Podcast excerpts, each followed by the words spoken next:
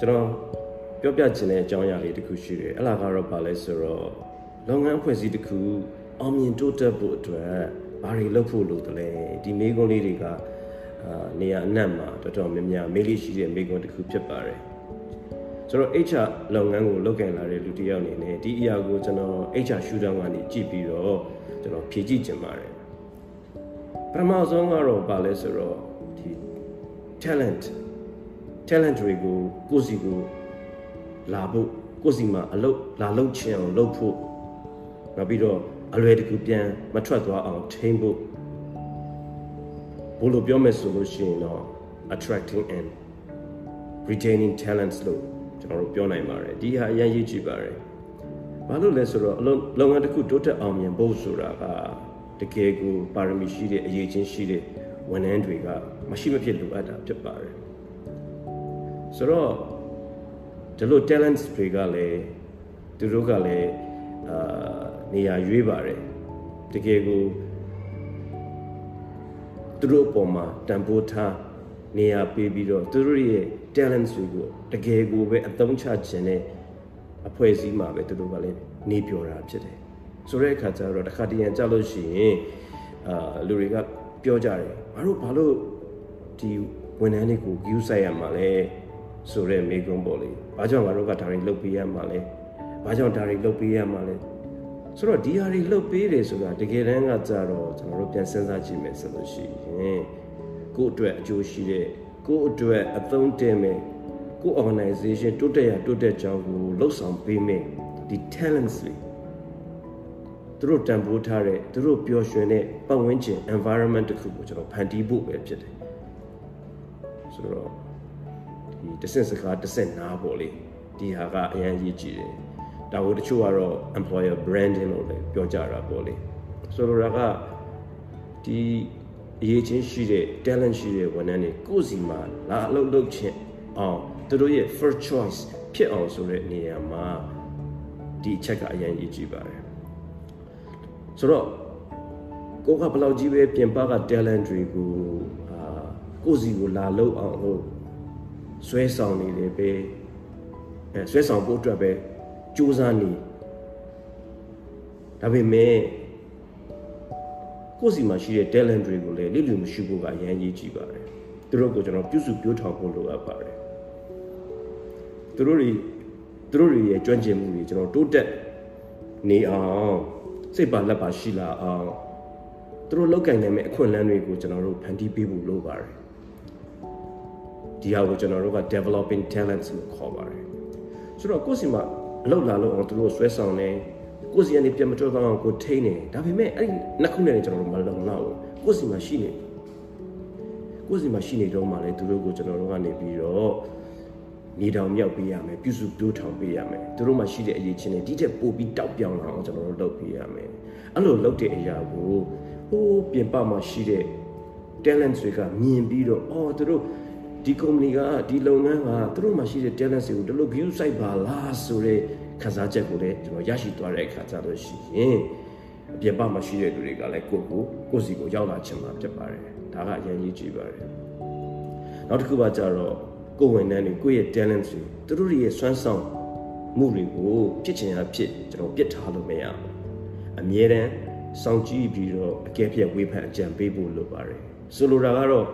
managing performance ပါ သူတို့ရဲ့ performance ကိုကျွန်တော်တို့ manage လုပ်ဖို့လိုပါတယ်နောက်တစ်ခုကကြတော့ team ဆိုတဲ့အကြောင်းအရာလေးကိုပြောချင်တယ်အရေးချင်းရှိတဲ့ team ကိုကျွန်တော်ဖွဲ့စည်းဖို့လိုပါတယ်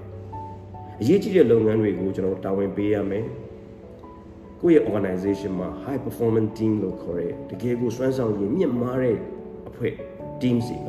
အရန်ကိုအရေးကြီးပြီးတော့မရှိမဖြစ်လိုအပ်တာဖြစ်ပါတယ်နောက်တစ်ခုကကြတော့ ဘာကိုကျွန်တော်သိဖို့လိုတယ်ဆိုတော့အရွယ်ရောက်တဲ့လူတွေကဒီနေ့ဒီနေ့အရွယ်ရောက်တဲ့လူတူပေါ့လေဒီနေ့ဒီနေ့ဆုံးဖြတ်ချက်တွေကို3500လောက်ချနေတယ်လို့ကျွန်တော်ဒီသူတေသနာတွေစီကနေကျွန်တော်ဖတ်ရပါတယ်ဆိုတော့ဒါကိုပြန်စဉ်းစားကြည့်တဲ့အခါကျွန်တော်ဘာကိုသိရလဲဆိုတော့တလို့လူတွေနဲ့အများကြီးဖွဲ့စည်းထားတဲ့လုပ်ငန်းတစ်ခုမှာတနေ့တနေ့เนาะတလို့ decision making နေဘယ်လောက်များလုပ်နေရမလဲဒီအခါမှာ ဒီလူတွေကဒီ decision making နဲ့ပတ်သက်ပြီးတော့ ကျွမ်းကျင်မှုမရှိဘူးမှန်ကန်တဲ့ဆုံးဖြတ်ချက်တွေမချနိုင်ဘူးဆိုလို့ရှိရင်ဒီလုပ်ငန်းဖွဲ့စည်းတွေတော်တော်လေးကိုခက်ခဲမှာဖြစ်တယ်။ဒါကြောင့်မလို့ကျွန်တော်တို့ဘာလုပ်တင်လဲဆိုတော့ဒီ developing decision making skills เนาะဒါကအရင်ကြီးကြည့်ပါတယ်ကိုယ်ဝန်ထမ်းတွေကိုယ် talent တွေ decision making skill ကိုကျွန်တော်တို့ညီတောင်မြောက်ပေးရမယ်တောက်ပြောင်အောင်လုပ်ပေးရမယ်နောက်တစ်ခုကကြတော့အပြောင်းလဲ အပြောင်းလဲကနေရာတိုင်းမှာဖြစ်နေတယ်ဆိုတော့ကျွန်တော်ညင်းလို့မရဘူးဆိုတော့အပြောင်းလဲများနေတဲ့လုပ်ငန်းအဖွဲ့အစည်းဟာလည်းအခြေအနေအချိန်ကလိုက်လိုက်ပါပြောင်းလဲနိုင်ဖို့အရေးကြီးတယ်ဆိုတော့ဒီနေရာမှာကျွန်တော်ဘာကိုသိဖို့လိုလဲဆိုတော့ redesigning organization အဲ့ဒါမဖြစ်နေလို့ပါတယ်ကိုယ့်ရဲ့ organization ကိုပြန်ပြီးတော့ redesign ပြန်လုပ်ဖို့ဒါတွေလုပ်ပါတယ် organization ဆိုတာအသက်ရှိတယ်စပြီးတော့ organization ဖွဲ့စည်းရနေပြီးတဖြည်းဖြည်းနဲ့ organization ကသိဆုံးသွားတဲ့နေရာကိုရောက်သွားနိုင်တယ်ဆိုတော့ဒီလိုမရောက်ဖို့အတွက်ကိုယ့်ရဲ့ organization ကိုပြန်ပြန်ပြီးတော့ကျွန်တော် redesign ဒါလေးတွေကမဖြစ်မနေလုပ်ဖို့လုပ်ပါတယ်နောက်တစ်ခုလုပ်ငန်းအဖွဲ့အစည်းလုပ်တဲ့အခါမှာကျွန်တော်တို့အမျက်စွန်းဆိုတာလိုချင်တာပဲဖြစ်တယ်ဒါပေမဲ့အရှုံးအမြတ်ရဖို့ဆိုတဲ့နေရာမှာဝင်ငွေဝင်ငွေတွေကနေပြီးထွက်ငွေကိုနှုတ်လိုက်တဲ့အခါမှာမြများကျယ်မြတ်တယ်ပေါ့နည်းနည်းကျယ်ဒါမှမဟုတ်မကြံဘူးဆိုလို့ရှိရင်ဒါမှမဟုတ်အကျွေးတင်နေဆိုရင်ရှုံးတယ်ပေါ့လေ ဆိုတော့ဒီ formula ကလူတိုင်းသိတဲ့ formula ဖြစ်တယ်ဒါကြောင့်မလို့အမြတ်များများလိုချင်ရင်တော့ကျွန်တော်တို့မလုပ်ရမလဲဝင်ငွေများများရအောင်ရှာရမယ်ကုန်ကြစည်ကိုတက်နိုင်တော့ချိုးချံချွေတာရမယ်ဒါကအရေးကြီးတယ်ဒါကြောင့်မလို့ဒီ managing overhead cost reduction ဆိုတာကမဖြစ်မနေကျွန်တော်လုပ်ရမှာဖြစ်တယ် overhead cost ကိုကျွန်တော် reduce reduce လုပ်ဖို့အတွက်ကျွန်တော်တို့ manage လုပ်ရမယ်နောက်တစ်ခုကလုပ်ငန်းအဖွဲ့အစည်းတွေကလူတွေနဲ့ဖွဲ့စည်းထားတဲ့အဖွဲ့အစည်းဖြစ်တာကြောင့်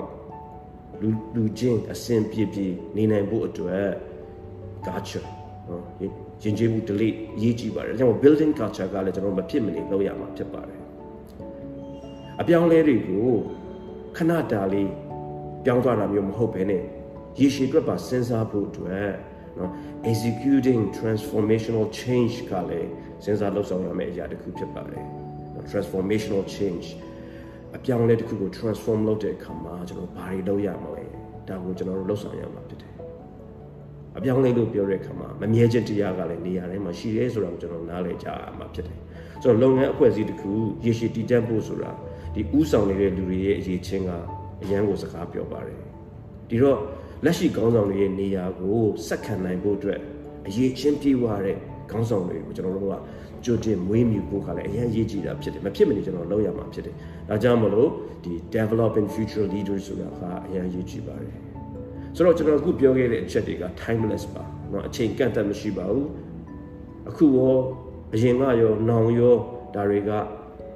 အပြစ်မနေလောက်ဆောင်သွားရမယ့်အရာတွေဖြစ်ပါတယ်ဆိုတော့ကျွန်တော်ပြောခဲ့တဲ့ဆယ်ချက်ကိုပြန်ပြီးစဉ်းစားကြည့်မယ်ဆိုလို့ရှိရင် talent เนาะ number 1ချက်အနေနဲ့ attracting and retaining talent လို့ခေါ်ပါတယ် ဒုတိယတစ်ချက်ကကြတော့ပါလဲဆိုတော့ coach ရဲ့ talent တွေကို develop လုပ်ဖို့အတွက် developing talent ပြီးတဲ့အခါကျလို့ရှိရင်ဒီ performance ကိုကျွန်တော် manage လုပ်ဖို့အတွက် managing performance number 4ချက်ဆိုလို့ရှိရင်တော့ high performing team အလားကိုကျွန်တော်တို့အာတည်ဆောက်ရမှာဖြစ်ပါတယ်ပြီးတော့လူတွေရဲ့ဒီ decision making ကိုကျွန်တော်တို့ဖွံ့ဖြိုးတိုးတက်ဖို့အတွက် developing decision making skills နော် အလားလည်းအရေးကြီးပါတယ်နံပါတ်6ချက်အနေနဲ့ဆိုလို့ရှိရင်တော့ redesigning organization ဒါလည်းအရေးကြီးပါတယ်နံပါတ်9အချက်အနေနဲ့ကတော့ managing overhead cost reduction เนาะဒါကိုလည်းကျွန်တော်လုပ်ရမှာဖြစ်ပါတယ်နောက်တစ်ခုကကြတော့ဒီလူတွေနဲ့ကျွန်တော်ဖွဲ့စည်းထားတဲ့ organization ဖြစ်တဲ့အတွက်ကြောင့်မလို့ building culture လုပ်ရမယ်ပြီးရင်အပြောင်းအလဲအတွက် executing transformational change ဒါလည်းအရေးကြီးပါတယ် နောက်ဆုံးတစ်ချက်ကတော့ပါလဲဆိုတော့ developing future leaders ပါဆိုတော့အခုကျွန်တော်ပြောခဲ့တဲ့အရာတွေကိုအာတဲတဲဝင်ဝင်လေ့လာပြီးတော့ဒီ organization တစ်ခုမှာလုပ်နေတဲ့ဥဆောင်နေတဲ့ကောင်းဆောင်တရားအနေနဲ့ဒီအရာလေးတွေကိုအခြေပေးအာလှုပ်ဆောင်သွားမယ်ဆိုလို့ရှိရင်အကျိုးအများကြီးရှိမယ်လို့ကျွန်တော်ထင်ပါတယ်ဒါလေးကိုကျွန်တော်အနေနဲ့အချိန်ယူပြီးကျွန်တော်မျှဝေထားတာဖြစ်ပါတယ်နားထောင်တဲ့လူအရောက်စီတိုင်းတဲ့အကျိုးရှိမယ်လို့ကျွန်တော်ယူဆပါတယ်အခုလိုနားထောင်ပေးတဲ့အတွက်လည်းကျေးဇူးအများကြီးတင်ပါတယ်